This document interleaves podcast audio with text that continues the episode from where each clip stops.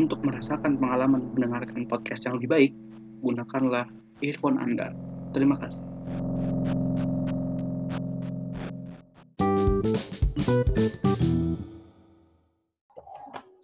Um, selamat datang di Dex Talks, episode yang ketiga.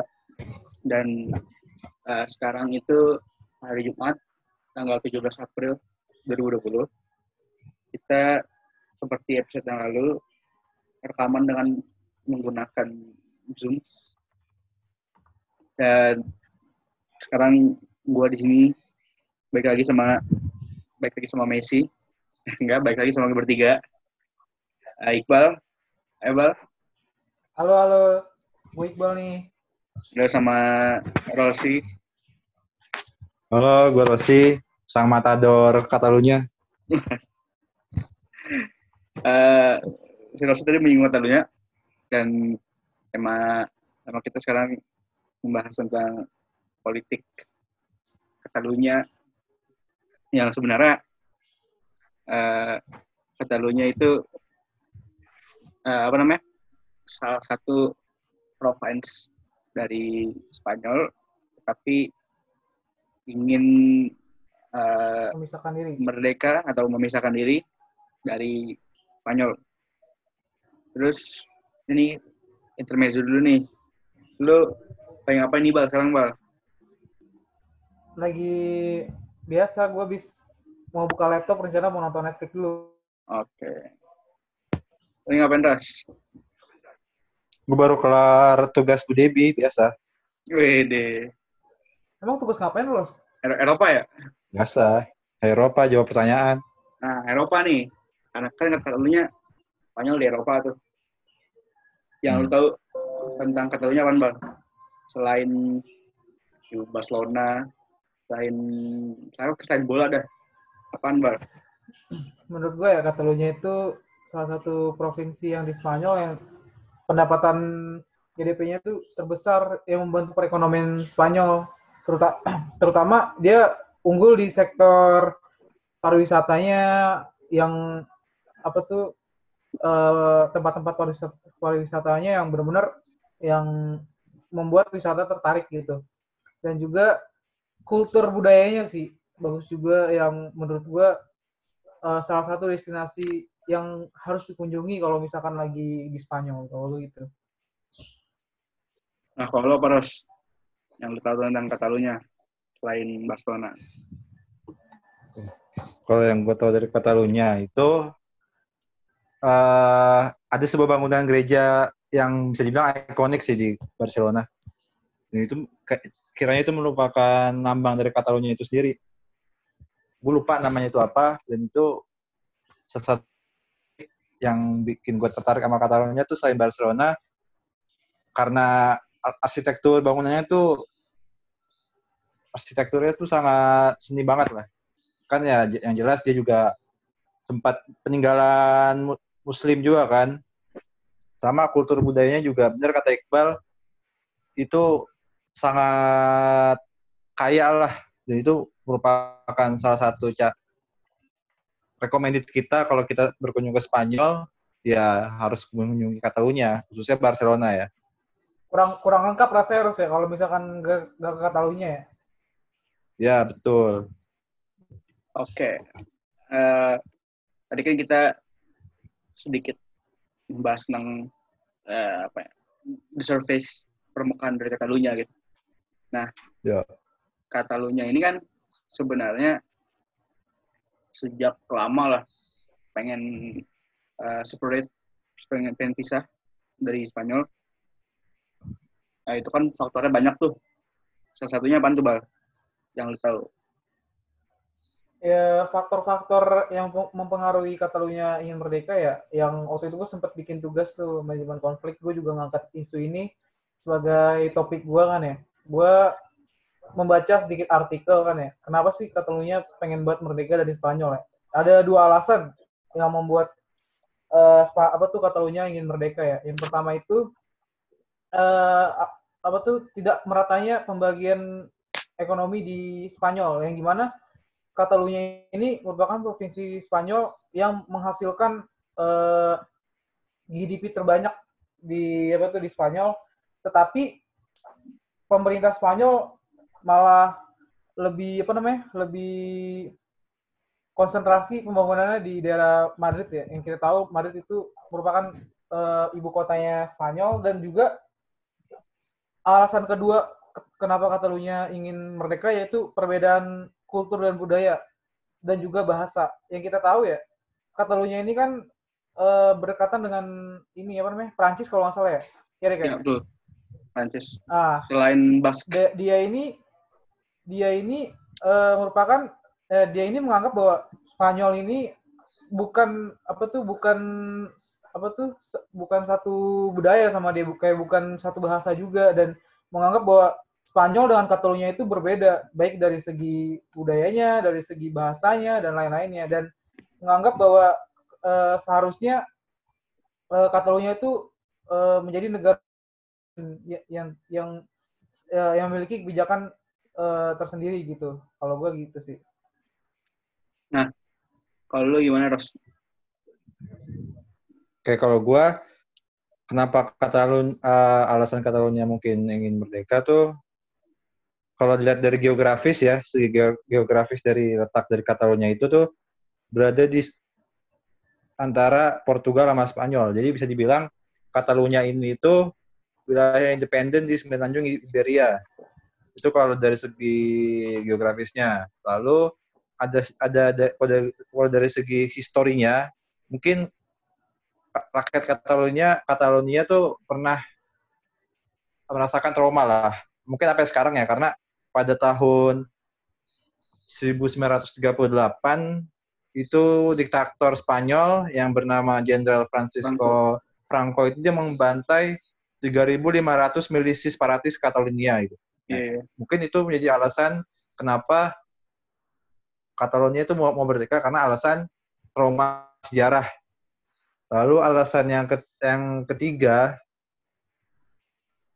yang alasan yang ketiga itu dari faktor politiknya. Kalau dari faktor politiknya itu yang sangat partai terbesar di Catalonia adalah partai Conver Convergence and Union atau CU pimpinan Presiden Anatolia eh Catalonia Arthur Arthur Mas itu merupakan partai yang mayoritas di Katal Catalonia dan bisa dibilang partai-partai yang dibentuk oleh kekuasaan di Madrid itu tuh nggak berlaku di Catalonia bisa dibilang tuh partai-partai yang nggak ada pemilihnya gitu kalau dari segi politik itu seperti itu lalu yang paling sentralnya itu dari segi ekonominya Jelas Catalonia adalah salah satu daerah terkaya di Spanyol. Dia penyumbang 18,8 persen GDP Spanyol dibandingkan dengan 17,6 persen di Madrid. Nah, analoginya kalau misalnya Catalonia ini lepas dari Spanyol, jelas Spanyol akan mengalami kerugian karena produsen terbesar dari GDP Spanyol itu berasal dari Catalonia. Seperti itu. Dan yang jelas ya mungkin dari segi bahasa juga berbeda. Kan juga Catalonia juga pernah terdampak perang Napoleon yang mungkin nanti akan kita selanjutnya gitu. Mungkin kalau dari segi alasan itu sih secara singkatnya. Oke oke. Uh, kan uh, salah satu usaha memisah apa suatu negara yang ingin memisahkan diri itu kan uh, referendum tuh sebenarnya yeah. uh, Katalunya tuh ter yang referendum terakhir itu 2018 bulan Oktober. Nah, kalau menurut lu nih seberapa berhasil sih? Ini kita nggak nggak apa namanya? Eh sorry bukan seberapa berhasil, tapi seberapa efektifkah sih referendum yang dilakukan pemerintah Katalunya selama ini di luar dari merdeka atau tidaknya ya gimana bal? Menurut gue ya referendum di Katalunya itu ya kalau di luar dari Spanyol dan yang lainnya itu sangat efektif ya. Yang di mana memang warga Katalunya pun sendiri ini benar-benar pengen pisah dari sejak tahun 19 apa tuh semenjak diktator Franco itu kan. Karena eh, dua alasan tadi eh, dan menganggap bahwa eh, Spanyol ini gagal dalam meningkatkan perekonomian di Catalunya dan juga merasa eh, Spanyol apa tuh Spanyol ini benar-benar seperti eh, apa namanya men, apa tuh eh, tidak tidak adil dalam pembagian-pembagian eh, apa tuh eh, perekonomian di daerah-daerah Spanyol. Dan juga eh, memang dari warga apa tuh dari referendum ini terbukti bahwa warga-warga negara eh warga Katalunya memang eh, harus memisahkan akan tetapi eh, banyak banyak sekali penolakan-penolakan terutama dari UA dan dari pihak Spanyolnya. Karena sangat apa tuh bisa memicu eh, apa tuh gejolak eh, gejolak-gejolak yang lain yang lain seperti eh, di Indonesia Papua Merdeka dan juga di Britania Scotland juga ingin merdeka juga dan itu benar-benar sangat dihindari sih di di UA gitu sih takutnya Kalau lu bagaimana, Ros? Pendapat lu, Ros? eh benar kata Iqbal kalau ketika suatu wilayah ingin memerdekakan diri dari negaranya itu emang cara yang bisa dibilang hak referendum ya dengan cara diplomasi karena dengan cara itu ya bisa dibilang adil lah karena kan akan adanya pemungutan suara mana yang setuju Katalunya mau merdeka mana yang nggak setuju Katalunya untuk merdeka nah mungkin yang gua rasa sih cara referendum itu merupakan cara efektif kalau misalnya Katalunya mau merdeka ya. Cuman ya putusannya kan emang tetap berada di pe- pemerintahan kerajaan Spanyol ya. Dan perlu diketahui kalau hasil referendum tuh berbicara lain gitu. Kalau sudah 90% itu suara milih untuk Katalunya buat merdeka. Cuman pemerintah Spanyol ya tetap kekeh mempertahankan Katalunya karena ya dengan sektor ekonomi yang bisa dibilang sangat besar ya Katalunya itu. Jadi seperti itu sih. Referendum merupakan cara yang efektif kalau suatu negara mau merdeka. Iya. Dibanding dengan senjata ya. Iya, ya. Soalnya eh, referendum Katalunya itu pasti selalu menghasilkan eh, apa ya mayoritas suara tuh pengen eh, separate, pengen merdeka. gitu.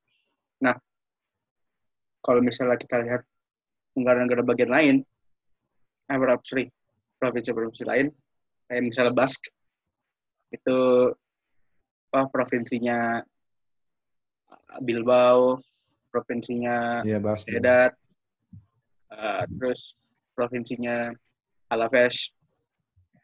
Nah itu sebenarnya lebih ekstrim lagi. Dia uh, Basque itu punya kayak pasukan rahasia, bukan rahasia sih kayaknya kayak teroris gitu, namanya PETA. Nah itu sebenarnya lebih gila lagi, pakai senjata ngebom-ngebom ke tempat apa tempat penting di sana gitu. Nah, yang menjadi per- permasalahan nih sebenarnya Katalunya nggak merdeka ini sampai sekarang ini itu karena pemerintah Spanyol yang enggan ngasih kemerdekaan atau misal contohnya nih eh, Katalunya merdeka kan Katalunya tuh masih Uni Eropa European Union nah jika Iya. ya apa Uni Eropa setuju kalau eh, sorry bukan setuju Eh, apa namanya yang membiarkan Katalunya lepas dari Spanyol itu buat negara-negara Eropa lain yang pengen merdeka tuh kayak Scotland itu bebas-bebas aja gitu. Gimana tuh bal apa tadi pertanyaannya? Eh, apa tuh alasan kalau misalkan Katalunya merdeka apakah ada, ada dampak gitu ya dari referendum apa tuh dari kemerdekaan Katalunya gitu ya? Iya iya iya. Bisa kayak Ah, itu jadi ada sih dampak-dampaknya yang yang bakal uh, membuat Spanyol mungkin uh, akan terpecah-pecah gitu. Yang pertama itu jika kata katanya merdeka ya, provinsi-provinsi lain seperti yang tadi disebutkan seperti di Bao dan yang lain-lainnya itu bakal menutup kemerdekaannya juga ya. Karena di apa tuh uh, pemerintah Spanyol ini uh, mencegah Catalunya merdeka agar uh, tidak tidak terjadi apa tuh referendum-referendum dan pemberontakan-pemberontakan lainnya di negaranya. Karena ini bakal sangat berbahaya yang di mana Spanyol ini akan kehilangan wilayah-wilayahnya yang yang sangat apa tuh yang apa tuh yang sangat ber, berpengaruh lah di negara Spanyol termasuk Catalunya dan akan kehilangan uh, ekonomi yang benar-benar ber, sangat berdampak bagi negara Spanyol ya. Itu yang uh, bagi kepentingan apa tuh bagi nasionalnya dan bagi luar negerinya uh, Uni Eropa waktu itu gue sempat baca di artikel berita gitu, gue lupa di mana.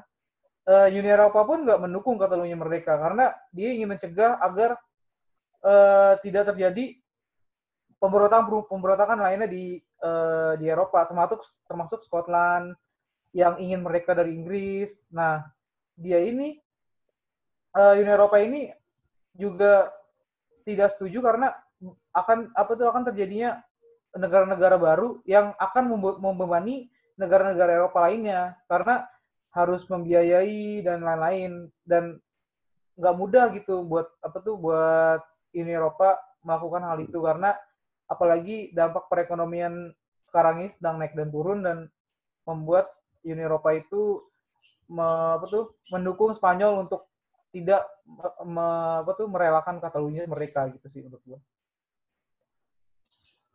Lalu gimana Ros? Ya, memang sih kalau permasalahan Catalunya ini kalau misalnya merdeka justru akan berdampak bagi wilayah-wilayah lain ya, termasuk kalau di di era di dalam di di, di, di dalamnya Spanyol itu kan ada beberapa wilayah yang kepentingannya sama kayak Catalunya, cuman lebih ekstrim nggak sama yang lu bilang, Dek. Ya. Nah, Mungkin uh, salah satu alasan pemerintah Hans Spanyol kenapa menentang kena, Catalunya untuk merdeka ya supaya mencegah wilayah-wilayah yang di Spanyol itu yang punya kepentingan yang sama dengan Catalunya itu untuk mereka juga kan. Sama kalau dari segi internasionalnya Uni Eropa emang jelas nggak mendukung Catalunya buat merdeka karena masih banyak negara-negara di anggota Uni Eropa itu yang punya wilayah yang hampir sama gitu, hampir, hampir sama pentingannya kayak Catalunya mau merdeka mau apa. Mungkin yang kita tahu Kosovo yang akhirnya merdeka itu dia masih uh, adanya perdebatan untuk dengan kemerdekaannya Kosovo itu jadi sangat berpengaruh sih kalau misalnya Catalunya merdeka itu pengaruhnya itu bisa nggak hanya di dalam Spanyol, bahkan bisa sampai ke luar Spanyol ya. Pasti negara-negara yang di Eropa pasti akan mencontoh Catalunya buat merdeka gitu. Seperti itu. Oke. Okay. Uh, kalau menurut lo nih, uh, apa ya? Terhadap kan kalau di Spanyol ini unik tuh. Soalnya setiap provinsi itu kayak punya apa ya bargaining position tersendiri gitu kayak Catalunya, Basque, Andalusia, terus sama apa Granada, Canary Island lah. Aragon. Apa? Aragon. Aragon ya, Aragon. Utara tuh di utara. Ya. Uh, kalau menurut lu nih, Abal, sebenarnya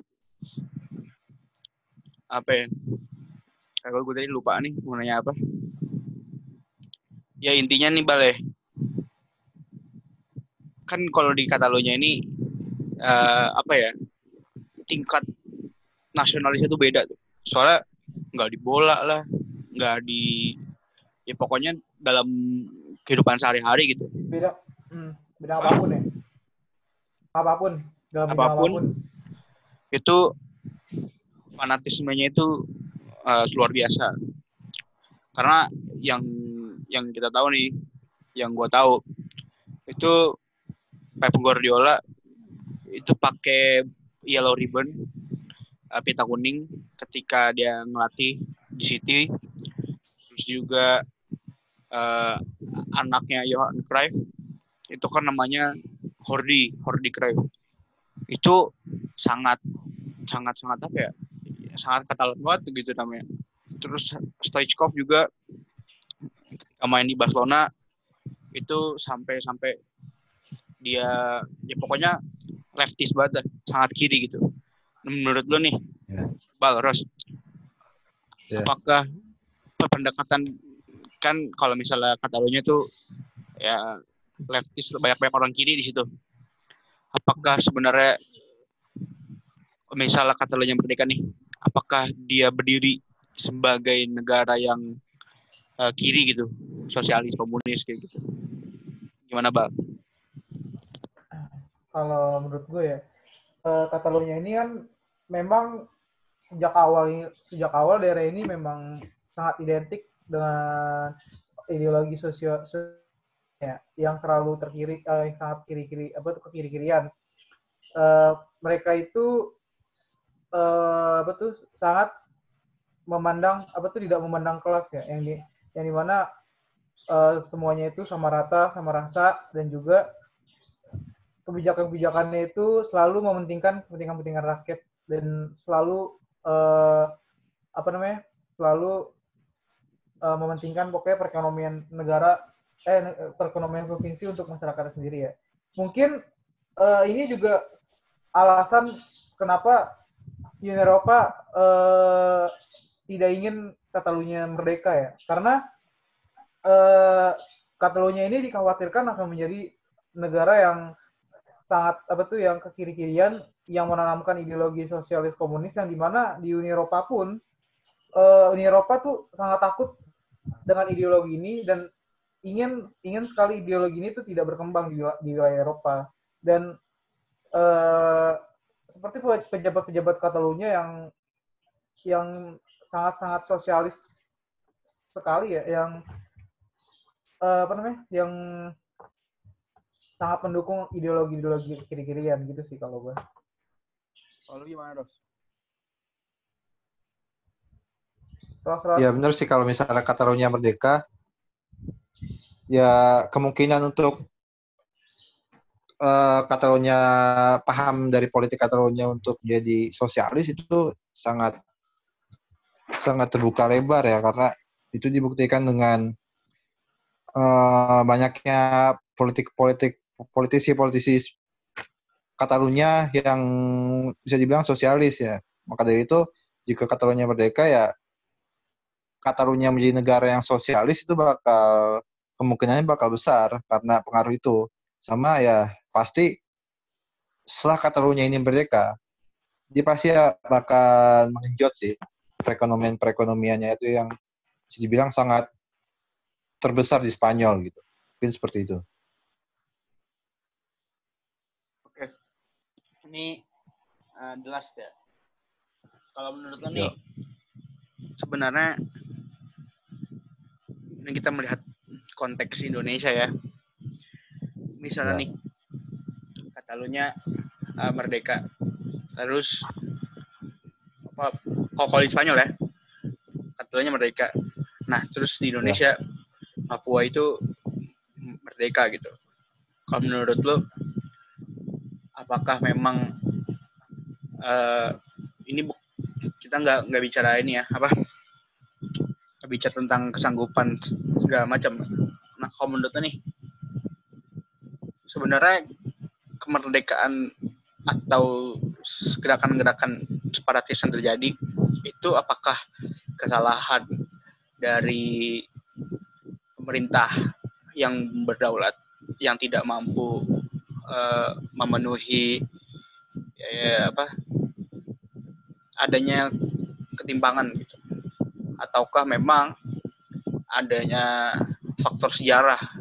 Apa yang lebih berperan? Faktor sejarah atau memang realita? Gimana tuh bal? Kalau misalkan kita ambil contoh ya, kayak kita ambil contoh itu Catalunya dan Papua ya. Kalau Catalunya ini kan memang dia terdapat dua faktor utama. Ya, yang pertama, meskipun faktor yang pertama ini sangat dominan yaitu uh, ekonominya dan ini merupakan kesalahan dari pemerintah Spanyol karena tidak berhasil me, apa tuh membagikan perekonomiannya itu ke provinsi-provinsinya itu secara uh, adil dan lebih mengutamakan provinsi provinsi-provinsi seperti Madrid dan lain-lainnya. Dan uh, sedangkan kalau di Papua ya, kalau di Papua ini memang dari sejarah historisnya itu sudah beda dibandingkan orang Indonesia yang di mana dia itu uh, merupakan wilayah yang dulunya itu dikuasai oleh Belanda dan akhirnya lewat betul lewat PBB akhirnya Papua itu menjadi milik Indonesia. Dan gerakan-gerakan di Papua ini memang dari dulu itu menganggap bahwa mereka itu berbeda dari orang-orang Jawa, dari orang-orang Sumatera dan dari uh, segi maaf ya kalau misalkan mungkin agak menyinggung ya uh, dari kulitnya pun dan dari dari fisiknya pun memang berbeda sekali dengan orang Jawa dan orang-orang lainnya. Dan dan juga banyak sekali diskriminasi-diskriminasi yang terjadi oleh orang-orang Papua yang membuat mereka itu uh, sedikit apa tuh sedikit apa sangat kesal oleh pemerintah pemerintah pemerintahan Indonesia termasuk uh, seperti kasus yang di mana tuh yang di Surabaya kalau nggak salah ya yang mahasiswa di Papua itu dianggap seperti orang apa tuh monyet atau orang hutan yeah, yeah. itu salah satu dampak dan alasan uh, Papua ingin merdeka ya. Kalau misalkan dari segi ekonominya pun otonomi di Papua juga merupakan otonomi daerah yang sangat tinggi yang diberikan Indonesia. Karena memang Papua itu merupakan uh, salah satu daerah yang penghasil penghasil uh, apa tuh mengenjot ekonomi Indonesia terbanyak di dari sana. Dan sedangkan kalau Catalunya ini memang uh, daerahnya sangat apa tuh sangat subur di ekonominya, tetapi karena kegagalan pemerintah dalam pembagian dana perekonomian membuat warga-warga Catalunya itu ingin merdeka. Kalau di Papua itu kan karena memang dari kultur, dari bahasa dan dari semuanya itu berbeda dari orang Jawa dan menganggap bahwa mereka itu bukan orang Jawa dan bukan bagian dari Indonesia. Gitu sih. Nah, kalau lu gimana nih, Ros? waktu sudah menunjukkan 10 menit lagi. Oke, kalau gua sih emang sih kalau suatu wilayah itu mau merdeka mungkin karena adanya ketiga yang yang dilakukan oleh pemerintahan yang membuat suatu wilayah itu mau mau buat negara sendiri gitu. Kalau misalnya kita ambil contoh Papua, ya sebenarnya sih yang buat Papua itu merdeka tuh bukan hanya identitasnya sebagai yang berbeda dengan orang Jawa, Sumatera dan lainnya ya, mungkin lebih ke banyak masyarakat Indonesia yang masih menganggap Papua itu sebagai wilayah kelas 2 gitu. Itu dibuktikan dengan adanya yang di Surabaya yang menganggap kalau orang Papua itu adalah mohon maaf uh, orang primata ya, primata ini seperti itu ya. Dan kalau yang kita mengambil kembali mengambil contoh ke Katalunya, tahun 1977 Catalonia pernah dijanjikan untuk dijadikan sebagai daerah dengan punya otonom khusus.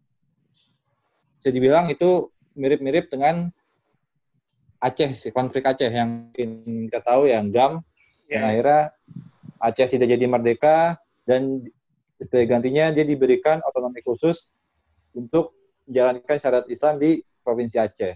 Gitu. Jadi itu sih sebenarnya yang buat negara eh yang membuat wilayah itu mau merdeka dari negaranya itu ya karena pemerintahan di negaranya itu tuh berlaku tidak adil gitu pada yeah. wilayahnya itu. Itu sama karena mungkin negara itu sudah sudah mampu dari segi ekonomi ya untuk biayai warga yang ada di wilayah itu. Oke. Okay. Terus. Sekilas sih seperti itu. Oke. kita sudah di penghujung acara ya. Dan kita bertiga masih menunggu menunggu apa nih, Bang?